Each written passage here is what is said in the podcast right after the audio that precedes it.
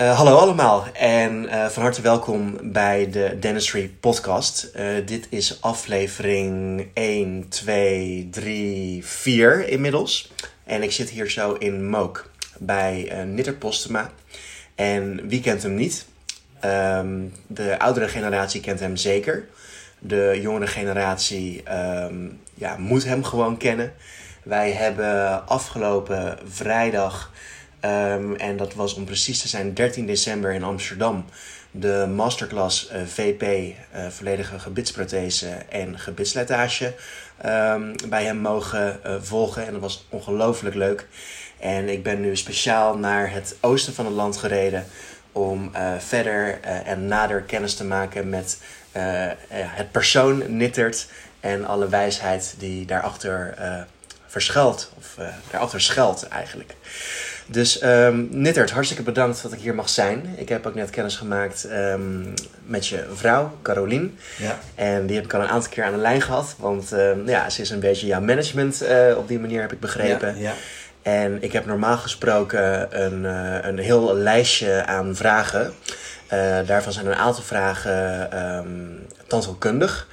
Um, maar goed, ik weet toevallig, en dat mag ik waarschijnlijk wel verklappen hier in deze podcast, dat jij inmiddels uh, al 75 jaar uh, oud bent, heb ik begrepen. Ja, maar nog steeds um, volop in het leven staat. En um, normaal gesproken uh, vraag ik heel veel ook over tandheelkunde. Maar ik denk, ook nu ik hier ben in dit, nou ja, op deze prachtige, vredige locatie. Want we zitten nu hier in een soort van achterkamer met ook nog een home trainer en met een, een, een, een cross trainer een fiets en een roeiapparaat. Um, ja, goed. En ik ben zelf op dit moment nu 28, eh, dus er zit een behoorlijke leeftijdsgap tussen. En ik ben gewoon heel erg benieuwd naar heel veel dingen die wij waarschijnlijk kunnen leren van jou als ja, veteraan. En maar ook nog steeds heel erg jong volgens mij in, in de geest. Dus um, om maar zo te beginnen, Nittert. Uit wat voor gezin kom je? Nou, ehm, ik kom uit een gezin met zes jongens um, Oude en Amstel. Daar, ik, ben, ik ben eigenlijk nog in gemeente Nieuwe Ramsel geboren en mijn broers allemaal in Oude Ramsel.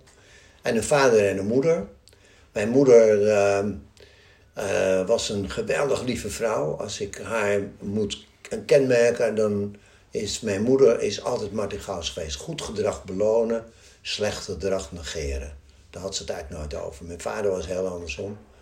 Die was uh, af en toe een beetje streng, dus daar kon je behoorlijk mee botsen. Maar mijn moeder was fantastisch. En uh, ja, ik ben de oudste van zes jongens. Er zijn zes jongens in acht jaar tijd geboren. En met zo'n fantastische moeder die, uh, ja, eigenlijk... Ik geef je een voorbeeld. Ik wilde natuurlijk ook vlieger worden. Hè. Je moest allemaal piloot worden. Wij woonden in Oude Kerk tussen de, de piloten. Dus ik werd piloot, ja, dat was duidelijk. En ik vloog al af en toe mee, want uh, de grootste vlieger tegenover ons, die noemde oom Ben. En, uh, nou, dus we gingen vliegen. En ik weet nog dat ik afgekeurd werd voor vliegen. Nou ja, jammer, maar het was niet eens zo erg. Dus toen dacht ik, nou dan moet ik maar wat anders gaan doen. Maar het was wel zo, en ik zat toen in het laatste, laatste jaar van de HBS, maar voordat ik op de HBS zat, heb ik toen een examen moeten doen. Tot verwondering van iedereen geslaagd. Vervolgens was ik niet zo nauwkeurig in het huiswerk maken. Ik ging liever voetballen. En ik klom het huis uit en ging voetballen. En dan vertel ik je even hoe mijn moeder in elkaar zit. Op een goede dag kwam ik weer op de plek waar ik dan mijn, mijn, mijn, mijn huiswerk moest doen voor de ABS. En daar hing een briefje. Als ik vlieger wil worden, moet ik elke dag mijn huiswerk maken. En ik was gemotiveerd. Dus uh, eigenlijk helemaal, ja, het ging eigenlijk vanzelf. En, ik heb, en goed, het vliegen ging niet door. En toen is er een heel groot wonder gebeurd. Ik had een tandarts die was wat minder aardig, vond ik. En toevallig was die man niet aanwezig in de kiespijn. En toen heeft mijn moeder een tandarts gezocht, vlak bij de school. Ik heb op Lyceum Buitenveld, toen nog een voorgebouw, een houten gebouw, Lyceum Buitenveld op school gezeten. En daar vlakbij zat een tandarts en die ging mij toen behandelen. En ik kreeg een spiekel erbij en had alle tijd en hij liet me zien deed. ik weet dat ik naar huis fietste en ik dacht, dit vind ik een leuk vak. Nou pap, ik wil wel tandarts worden. Nou, zei mijn vader, dat is goed. Zo simpel is het eigenlijk gegaan. Mhm. En ik, ik ben altijd wel handig geweest met knutselen, met mijn handen. Ik heb zelf een zeilkano gebouwd. Ik heb zelf nog een racekano gebouwd van hout. Hè, overnaat eh, een houten eh, boot, maar heel mooi en dun en licht. Ik heb een, eh, de Flits, een zeilboot, heb ik zelf gebouwd. Die heeft, die heeft al bijna 35 jaar nog bij huis gelegen. Mhm. Dus ik ben in Oudekerk aan de Amstel niet eens geboren, maar ik ben gewoon te water gelaten. Dus ik, ben, ik hou van alle watersporten. Ja. heb ik ook bijna allemaal gedaan. En eh, ja, ik ging tante kunnen doen. En ik heb, eh, die HBS ging goed. Als je maar een beetje je werk deed, nou, dan kon je die HBS wel halen. En ik heb, eh, ik was heel jong toen ik naar de HBS ging, eigenlijk te jong. Ik heb de vierde klas gedoubleerd. Dat was eigenlijk heel lekker, want toen kon ik heel relaxed vier en vijf doen. Toen ben ik tante kunnen gaan studeren in Utrecht. 19, eh, 1962 ben ik begonnen. Winter 63, de Elfstedentocht helaas niet kunnen uitschaatsen, maar ik had toen wel de conditie. Dus ja, ik deed van alles, joh. Hard fietsen en eh, vooral achter brommers aan. Dat vond ik helemaal te gek. En op het laatste even inhalen, weet je. Achterloos er langs fietsen. Ja. Ja, dat vond ik eindeloos. ja, dus ja, sportief. Geweldig, geweldig. Ehm, hè, dat worden van een vlieger, piloot. Ja. Was dat ook echt een jongensdroom van jou destijds? Ja, weet je, het ging eigenlijk vanzelf, want eh, al die vrienden van mijn ouders waren vliegers. Dus die zeiden al gauw weer een keer mee. Dus ik ging dan met die en dan met die en dan met die. Toen was het nog met een vliegtuig, gingen ze ook oefenen. Ja. Oké, En eh, nu hebben ze simulators, maar dat was toen allemaal nog gewoon het vliegtuig. alright. Eh, en ik paste op heel veel van die mensen voor de kinderen op. Dus ik was een grote oppas. Eh, en ja, dan wilden ze wat terug doen en mocht ik mee. Ehm, begreep ik nou goed dat jij in 63 tandheelkunde bent gaan studeren? Ja, 62 al. 62 Nee, zelfs. in 62, eh, ja, 62 ben ik in Utrecht tandkunde gaan studeren. In Utrecht. Ja. Ehm, wat voor soort student was je? Ah, als student, nou het bleek eigenlijk al heel snel dat ik super handig was. Dus met werkstukken waren ze altijd meteen ongelooflijk tevreden. En, eh, en datzelfde is eigenlijk ook met de patiëntbehandeling zo geweest. Ik heb een handige manier van werken. Ik heb dat ook later wel van tech- technicus gehoord. Die, of, eh, de tandtechnicus, die zeiden altijd, ja, kan prachtige beffeltjes overal inzetten. Ja, dat, weet je, daar heb ik helemaal geen moeite voor hoeven doen. Dat gaat vanzelf. Mhm, Ja. Dus laten we zeggen, in, inhoudelijk, dus eh, hoe ga je nou opbouwen? Ja, dat had ik snel voor elkaar. Maar, ik moet je iets vertellen. Hè? Ik, ging, ik ben in eh eh, eh, 62 gaan studeren. 1963 januari eh de Elfstedentocht geschaatst, helaas niet uit. Ik ben uiteindelijk in 9, in, eh, in eh, 69 Ben je aan het opnemen? Negen- Ja, maar geen probleem. Dit is juist 69 leuk voor ben het ik, ben ik afgestudeerd. 69. En ik ben meteen gaan waarnemen. En Stefan, ik kan je... erin. Eh, nee hoor, dank je Carolien. Ja. Carolien komt zojuist even heel goed voor ons zorgen met een kopje thee en een kopje cappuccino geloof ik. Ja, Dus, heerlijk. eh, Ja, ik ben fantastisch. Ja. Cappuccino zonder suiker, hè? Zonder Ja, suiker. ja. Veel bewegen en zonder suiker. Juist. Dan eh, blijf je... Ja. En eh, de hond kwam ook net al eventjes eh, binnenlopen, Ja, ja, dus ja, eh, ja, die heel gezellig. mee. Ja. Eh, ik, ik, ik was eigenlijk, eh, eh, ik, eh, ik ging dus na het afstuderen, heb ik waargenomen. Eh, ik heb toen waargenomen in Amstelveen, in een praktijk van Tantes Onstein. Dat vond ik een leuke praktijk, mooi verzorgd ook. En in een grote praktijk in Hogeveen, en dat was één groot drama. Ik zag alleen maar afgebroken knobbels. Dus je moet je voorstellen, de tandheelkunde bestond toen nog uit amalgaam. Dus je zaagde alle kiezen door midden. En die moest je ook nog een beetje ondersneden doen. Dus boven een beetje smaller, onder nog breder. Nou, dus erger kan je kiezen eigenlijk niet vernielen. En daar doe je de amalgaam in. En er werd nooit naar oculische articulatie gekeken. Nooit naar hoektand frontgeleiding. Nou, bij een beetje slijtage breken je bukkale knobbels af. Dus ik zag met de vleet afgebroken knobbels. Indicatie kroon. Zo, zo ben ik eigenlijk begonnen. En het, is, het was echt heel schokkend voor mij, heel schokkend. Ik weet nog dat ik thuis kwam en tegen mijn vader. En mijn vader was heel enthousiast. En niet, toen was het. Nou, pap, dit vak ga ik niet doen. Mhm, ja. Even kijken. Ehm, hè, dus je was al een eh, student die het vak vrij makkelijk oppakte. Ja. Hoe was jouw studentenleven verder qua sociaal gebeuren? Nou, ik ben, ehm, ik ben ehm, eh, toen ik in Utrecht ging studeren, heb ik meteen een vereniging gezocht. Want ik dacht, als ik nou naar een plek ga waar ik niemand ken. Toen ben ik bij SSR, heb ik me aangesloten. Dat was meteen ontgroenen, wat ik erg leuk vond.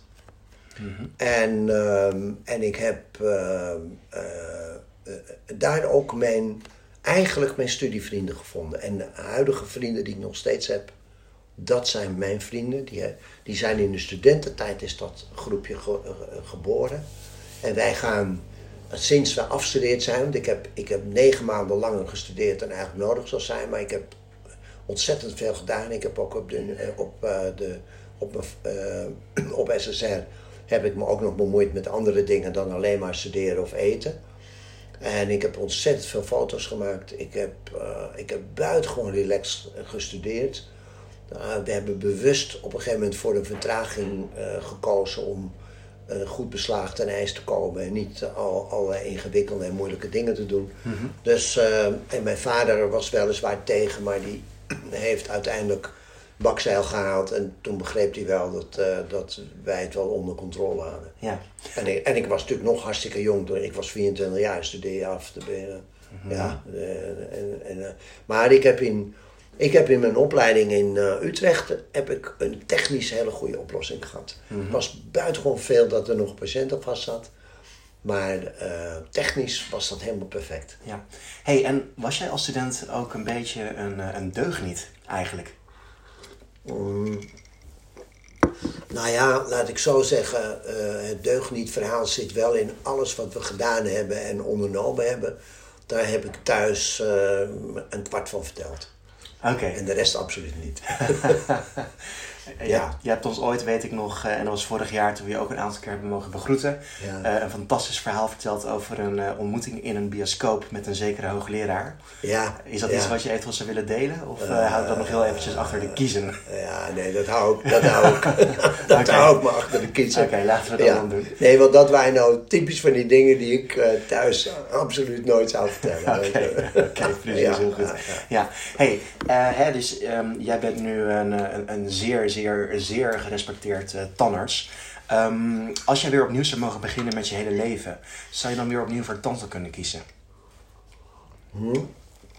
Ja, ik, uh, ik uh, dat is de, als het gaat om het vak zou ik het zonder meer weer doen. Omdat het gewoon een ongelooflijk leuk vak is. Als het gaat om de omstandigheden waarin je dreigt te komen, waarin we nu een beetje in Nederland komen, waarbij de overheid uh, ja, echt ingrijpt op een manier waarvan ik denk, waar, waarom doe je dit? Uh, uh, zou je je twijfels kunnen hebben. Maar als het, als het om het vak gaat, is het een vreselijk leuk vak. Mhm. Maar ik maak er wel een paar kanttekeningen bij. Want als je nou zegt, ja, zou je dit weer kiezen? Ehm, kijk, ik heb, uh, ik heb in mijn jeugd, ik was nog jong, meteen gekozen om gedeeltelijk in de tandkunde te werken en gedeeltelijk in het onderwijs te gaan werken. Dus ik, uh, want je, ik werd als 24-jarige jongen rondgeleden in een uh, mooie nieuwe Volvo stationcar. En dat was dan de combinatie uh, tjade waar ik altijd alle materialen gebruikte van de hele studie. Mocht je laten staan en als je dan klaar was, werd je toch ingericht en dan kon je, en dan kon, en dan kon je dat in één keer betalen. Nou, ik had ook nog wat studieschuld op, uh, had ik ook nog, dus dat moest ik ook aflossen. Maar ik ben bij, na mijn afstuderen, uh, was ik zo geschrokken van die tandkunde. En dacht ik, oh, wacht even, laat ik even een beetje achterover gaan zitten. En in mijn praktijk heb ik uitgebreid Kronenburgweg gedaan. Maar daarvoor heb ik een, tand, een, jong, een andere tandarts gezocht om mij daarbij te helpen. Want ja, als je net afstudeert ben je tand voor tandkunde opgevoed, maar een totale rehabilitatie is dan onmogelijk om te doen. Mm-hmm. Dus daar, dat is wat ik toen gedaan heb. Ik heb een tandarts gezocht die ik goed kende, woonde vlakbij, Rudy Kinsbergen. Nou, die vond het hartstikke leuk als ik kwam. En eh, daarmee heb ik, heb ik jarenlang behandelplannen besproken, ook dingen laten zien. Je hebt ook wel eens naar preparaties gekeken. En daar heb ik ongelooflijk veel aan gehad. En ik werkte ook op de VU, wat ik heel erg leuk vond. Op de VU deed ik volledige prothesen. Daar hebben we toen, eh, dat was natuurlijk erg leuk, de, de faculteit was jong, dus we hadden materiaal nodig. We maakten dia's, we maakten dia's voor de, voor de, voor de colleges. Ja, de, weet je, ik, ik vond het helemaal te gek, maar ik ben dus in die tante kunnen terechtgekomen. Terwijl ik totaal niet naar geld gekeken heb. Ik had een huurhuisje, ik had een eenvoudig autootje. Ik ben gewoon met dat vak begonnen. Er was geen enkele druk uh, om geld te verdienen. Ik verdiende gewoon geld. Caroline is toen gelijk al uh, gaan assisteren. En uh, dat is voor mij een hele fijne start geweest. En ja, ik zou, als, als ik het weer zou moeten doen, dan zou ik het weer doen. Hè? Als, ik, als ik nu, ga ik even naar nu, Stefan, als dat mag. Mm -hmm. Als ik nu zie wat er gebeurt, dan zou mijn model tand kunnen, zou eigenlijk er anders uitzien. Dan zou ik zeggen, nou die vijf of zes jaar moet je doen. Daarna komen nog vier terugkomjaren waarop je al de gebieden van die tandkunde waar je meer op moet leren gaat doen. Daar verslag van gelegd. Uh, bij patiënten casussen maakt, die fotografeert en kan presenteren. Dan zou je dus, en dan zou je niet zoals het, uh, zoals het nu is, en het was zelfs na vijf jaar, nu na zes jaar, dan ben je tandarts en je weet eigenlijk bij VAR onvoldoende en je zit al op je topinkomen. Ik vind, ik vind dat een ongelooflijk fout systeem. Mm -hmm. En ik zou dus kiezen voor, de, wij, wij horen eigenlijk ook specialisten zijn. En dan zou je uh, kunnen zeggen, uh, je gaat nog vier jaar in praktijken werken. Zorg voor een portfolio, ga allerlei dingen maken en, en, en, en maak er mooie verhalen van. Het is ook heel fijn om aan patiënten te kunnen laten zien wat je bijvoorbeeld aan plannen bedenkt en voor ze wil doen. Uh, het heeft mij heel veel opgeleverd door in het onderwijs te gaan werken. Want dan moet je namelijk, als je iets gaat vertellen, moet je het ook weten. Mm. Dus dan moet je het bestuderen. En als, als iemand die afstudeert, zoals jij en anderen, die tandarts is en die moet een casus doen en moet gaan uitleggen waarom die het allemaal zo gedaan heeft, dan is dat soms ook verdomde handig dat je nog eens even artikel erbij pakt en nog eens even wat zoekt waarom je het moet doen. Want je moet voor alles wat je doet, moet je wel een motivatie hebben. En je moet een reden hebben dat je een patiënt kan uitleggen. Of een cliënt, hè. Zo, zo Amsterdam praten we wel over cliënten. Maar dat je iemand kan uitleggen waarom je wat wil doen. Mm -hmm. Nou, dat, dat is... Ja, dus als je aan mij vraagt, zou je het weer doen? Ja, ik zou het weer doen. Oké, okay, ja. nou, dat lijkt me een heel mooi uh, advies en een heel mooi antwoord. Met, vol met allerlei ja, prachtige uh, uh, inzichten. Um, ik ben heel erg benieuwd, uh, Nittert. Jij bent inmiddels um, uh, al op de respectabele leeftijd gekomen van 75 jaar. Ja. Volgens mij gaan er ook nog heel veel meer jaren volgen. Ik hoop um, het. Ik hoop hoe, het. hoe krijg je het voor elkaar om op deze leeftijd nog zo fit en, en vitaal te zijn? Wat is het geheim daarachter? Nou, ik, ik, uh, ik denk dat er een paar dingen spelen. ik denk dat het heel belangrijk is genen. Maar ja, weet je, mijn moeder is helaas jong overleden. Die, is, die heeft nierdialyse gehad en uh, toen was het nog beginnend. En uh, ja, dat gaat een tijdje goed, maar je wordt steeds slechter, langzaam slechter. Op een gegeven moment heeft ze aan ons gevraagd, mag ik sterven? Want het gaat gewoon niet meer. Mijn vader is een stuk ouder geworden, maar die heeft helaas een, een, een, een, ernstig maaglijden gekregen waaraan die is overleden. Ehm, de schenen speelt een rol, maar daarnaast spelen heel veel dingen een rol eigenlijk. Hè. Kijk, uh, uh, hoe druk heb je het? Uh, wat wil je? Ga je jezelf onder druk zetten? Ehm, hoe, hoe, kom je, hoe zit je in je relatie? Heb je kinderen? Ehm, maar daardoor heen speelt voortdurend zorg dat je conditie houdt. Hè. Dus het is, het is conditie. Uh, niet veel alcohol drinken. Ik, ik, drink de laatste jaren zelfs geen alcohol. Dus nu drink ik af en toe een glaasje. Maar dan, als we ergens gaan eten, ja, dan komt er een glaasje wijn bij en dan doen we dat. Maar zoals ik een tijd gewend was om gewoon een paar glaasjes wijn te drinken op een dag. Dat ben ik op een goede dag gaan stoppen. En wat een hele mooie is, Stefan. Ik heb, op een gegeven moment vond ik ook dat ik te zwaar werd. En het enige wat ik toen weggelaten heb, is de suiker uit de koffie. Dan drink ik veel koffie. Ik ben gek op koffie. Of het nou warm of koud is, maakt me niet uit. Ik drink het, koffie met melk. Ik heb de suiker weggelaten en ik viel zonder iets anders in mijn, in mijn systeem te doen 10 kilo af. Ging zo van, van 95 weer terug naar 85 kilo. Nou, en ik zit nu zo rond die 83 kilo. En dat, nou, dat vind ik eigenlijk wel mooi. En, eh, maar het is wel bewegen. Wij hebben, wij hebben Carlien eh, wilde weer heel graag een hond hebben. En ik kan je zeggen, eh, een hond is geweldig. Want wij als mensen zeggen altijd, we gaan de hond uitlaten, maar het is andersom. De Ah. hond laat ons uit. Oh, wat een goeie. Ja, Wat een goeie. ja. Dus, en en ik, eh, het, het zou zelfs een argument zijn om die hondenbelasting af te schaffen. Mensen met een hond zijn gewoon gezonder. Ze moeten eruit. Mm, ja, En nou, anders blijf je zitten. mooi advies voor onze luisteraars. Neem een hond. Ja, neem een hond en dan ga je elke dag wandelen. Je moet, je moet je hond uitlaten. Ik wandel hier, ik maak hier een wandeling. Dan wandel ik stevig door en dan maak ik 4,5 en dan kan nog iets langer 5 kilo, kilometer loop ik dan met de hond. En dat kan ik dan binnen een uur. Als ik een beetje stevig doorloop, dan kan ik het zelfs in 50 minuten doen. En er zit ook nog hier in het bos zitten enorme hoogteverschillen. Dus ik doe, als ik op mijn, op mijn telefoon, naast de telefoon, dan kijk ik daarop en dan zie je, Ja. dan zie je eigenlijk eh, dat ik eh, zes verdiepingen of vijf verdiepingen heb gedaan. En ik zie precies wat ik gedaan heb, hoeveel stappen. Maar dat is een hele belangrijke. En ik heb natuurlijk Caroline. Caroline is mijn. Caroline is de manager, maar ook de manager eh, voor mijzelf. Die ziet ook wat ik nodig heb. Of als ik ja, dingen doe, zeg joh, daar moet je nou eens mee ophouden. Dus vandaar dat we een tegeltje hebben gekregen pas. We zijn kort geleden 50 jaar getrouwd geweest. En eh, daarop stond eh Carolien eh, voor, de, voor het management van de, van de praktijk. En Nittert voor de praatjes en gaatjes. En dat klopt volledig. Ja, oh, wat, wat leuk. Ja. Nou, we zijn beide druk bezette personen. Ik moet straks alweer door naar mijn volgende afspraak eh, bij Maarten Bekkers, die ook een van de docenten is van eh, Dentistry University in onze masterclasses. Dus ik eh, ga het afronden met nog een paar nou ja, kleine, maar toch hopelijk een aantal mooie vragen. Ehm, wat zou jij ons, ons als collega's, en zeker als u kijkt naar wat jongere collega's, willen meegeven? Nou, ehm, als, als je nu een jonge collega bent, zou ik altijd zorgen dat je een vorm van nascholing doet. En dat je een paar tandartsvriendjes of vriendinnetjes hebt waarmee je een studieclub kan oprichten. Ik heb dat eh, nadat ik op de VU weg was gegaan. Ik heb daar een aantal jaren gewerkt, toen ben ik daar gestopt. En toen miste ik enorm het contact met mijn collega.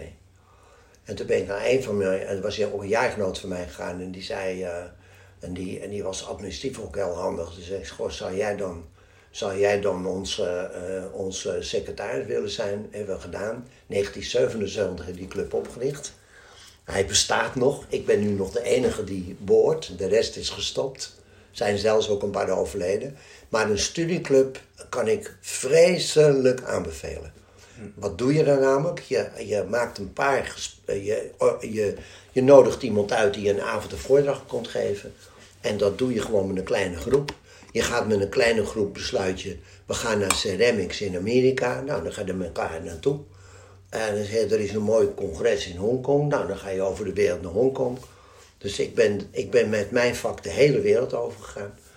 En ik ben natuurlijk een bofkont, want ik ben uiteindelijk, en dat heeft toch dat onderwijs wel met zich meegebracht. Ik ben denk ik, eh, misschien mag ik het van mezelf zeggen, dat ik van nature gewoon een onderwijzer ben.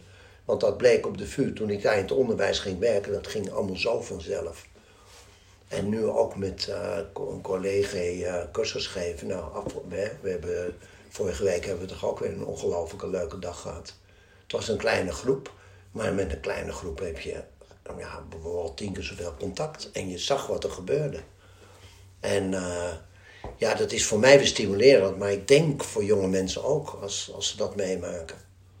Dus een studieclub oprichten met elkaar Ja. en, en de wereld overgaan. Hè? Ja, geweldig. Wie zijn jouw grootste inspiratoren geweest eh, in het leven, maar misschien ook in het tandheelkunde?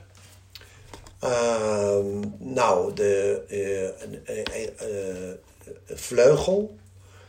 Professor Vleugel, die, die goed was in de amalgamen en plotseling hoofd werd van de afdeling volledige prothese. Maar de manier waarop hij over de prothese dacht, vond ik buitengewoon boeiend. En wat hij kon doen, hij kon je artikelen geven waar iets als A werd uitgelegd. Je moet altijd A doen en dan over een onderwerp. En had er nog een artikel. In datzelfde artikel stond je moet altijd B doen.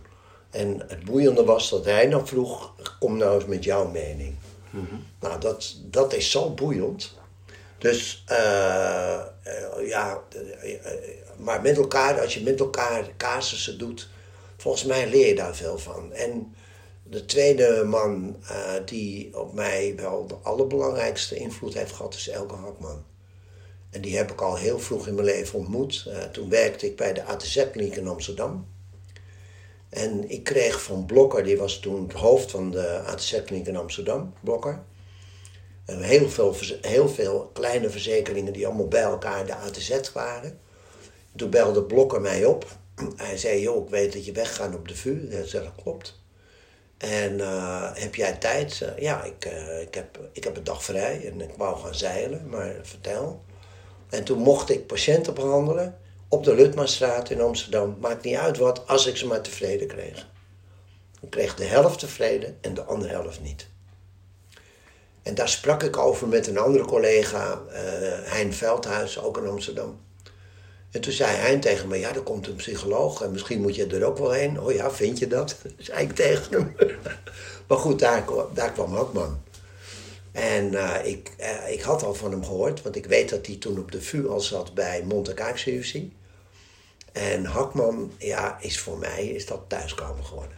Mm -hmm. Ja, want die heeft mij leren communiceren.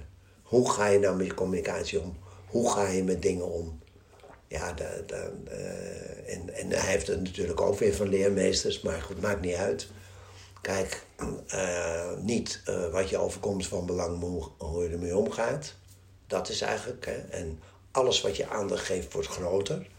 Nou, dat is een fantastisch natuurlijk, hè. Want patiënten krijgen pijn en worden helemaal erger. En ze, en ze hebben een VP en dan vinden ze allemaal niks. En dan worden ze op laatst heel boos over. Nou, dat is, en dat is dan goed als je weet hoe die mechanieken werken. Want dan kun je ook de juiste vragen stellen. Mm -hmm. En dan kun je ook je communicatie op de juiste manier brengen. En misschien is het ook wel goed om hiermee af te sluiten. Voor mij is eigenlijk de communicatie bij far het belangrijkste. Wat tegen de patiënt, wat wilt u met uw tanden? En dan zegt hij, ja, maar dan moet u zeggen, u bent de tandarts. Zo nou, uh, doe maar een prothese dan. Zullen we een prothese doen? En dan zegt die patiënt, een prothese, meneer Postma? Nee, dat wil ik absoluut niet. En dan trek ik een heel bedroefd gezicht, want dan zeg ik, mevrouw of meneer, als u dat niet wil, dan zult u uw leven moeten veranderen om uw tanden en kiezen goed bij te houden, goed te poetsen, goed schoon te houden. En dan kan je misschien wel je hele leven met je tanden doen. Nou, dat is eigenlijk de kern van mijn boodschap. Ik vind het helemaal super. Nou, het is deze keer een aflevering geworden, een soort van power podcast in een uh, redelijk korte tijd, hè, binnen het half uur ongeveer. Ik stel je nu uh, de allerlaatste vraag voor vandaag en ik zie je weer in het nieuwe jaar, want dan hebben we nog een uh, webinar, een Q&A ja. webinar met jou. En wie weet zit er nog wel meer in dan trouwens, want ik vind het eigenlijk een veel te leuk gesprek om het nu al zo vroeg af te ronden. Um, maar goed, hè, tijd dat is in die zin ons meest waardevolle goed dat we hebben, geloof ik. -hmm. um, is er een vraag die ik nu voor nu aan jou nog niet heb gesteld en waarvan je wel vindt dat die nog uh, ja, belangrijk genoeg is om nu voor deze keer nog eventjes mee te nemen in, uh, in dit deel van de podcast? Nou ja, misschien. Uh, kijk, je kan natuurlijk de, de, vraag stellen, maar misschien heb je die ook wel een beetje gesteld. waarom is die tandenkunde zo leuk? Um, maar die is zo leuk omdat ik. Kijk, ik heb een groot voordeel gehad. Ik ben uiteindelijk door Warner Kalk aangetrokken in Nijmegen om daar het, het Centrum voor Bijzonder Tandkunde te gaan doen. En, uh, en, en zo'n Centrum voor Bijzonder Tandkunde is het einde van de klaagmuur. Dus mensen er helemaal niet meer uitkomen. Arts stuurt naar het ziekenhuis. En de tandarts, ja, waar moet die heen? Die moet naar een CBT. Een Centrum voor Bijzonder Tanden. Tandkundige hulp in bijzondere gevallen. En ja, ik vind bijzondere gevallen buitengewoon boeiend. Dus, dus ik uh, het is eigenlijk zo dat ik uh, ongelooflijk geniet van een puzzeltje. Goh, wat is hier nou aan de hand? Hoe kan dit nou? En daar heb ik ook het geduld voor. Dus ik kan dan uh, de tijd nemen en geduld krijgen en hebben om, uh, om rustig naar zo iemand te gaan luisteren. En als ik er dan niet uitkom, dan consulteer ik weer. Nou, bijvoorbeeld Elke, Elke Hartman. Dat doe ik mijn hele leven al. Ik zie nu, ik zit nu in een periode dat ik uit, zeg maar, uit heel Nederland af en toe van die onoplosbare problemen krijg. Want dan denkt zo'n collega, oh ja, die postema, doet hij het nog? Ja, hij doet het nog. Nou, dan stuur ik u daarheen. Ja, dan krijg ik hier bijzondere dingen. Waarbij je dus en naar die mond moet kijken. En dat, dan, dan eindig ik ook met die podcast nu. Een mens is niet een bak met tanden.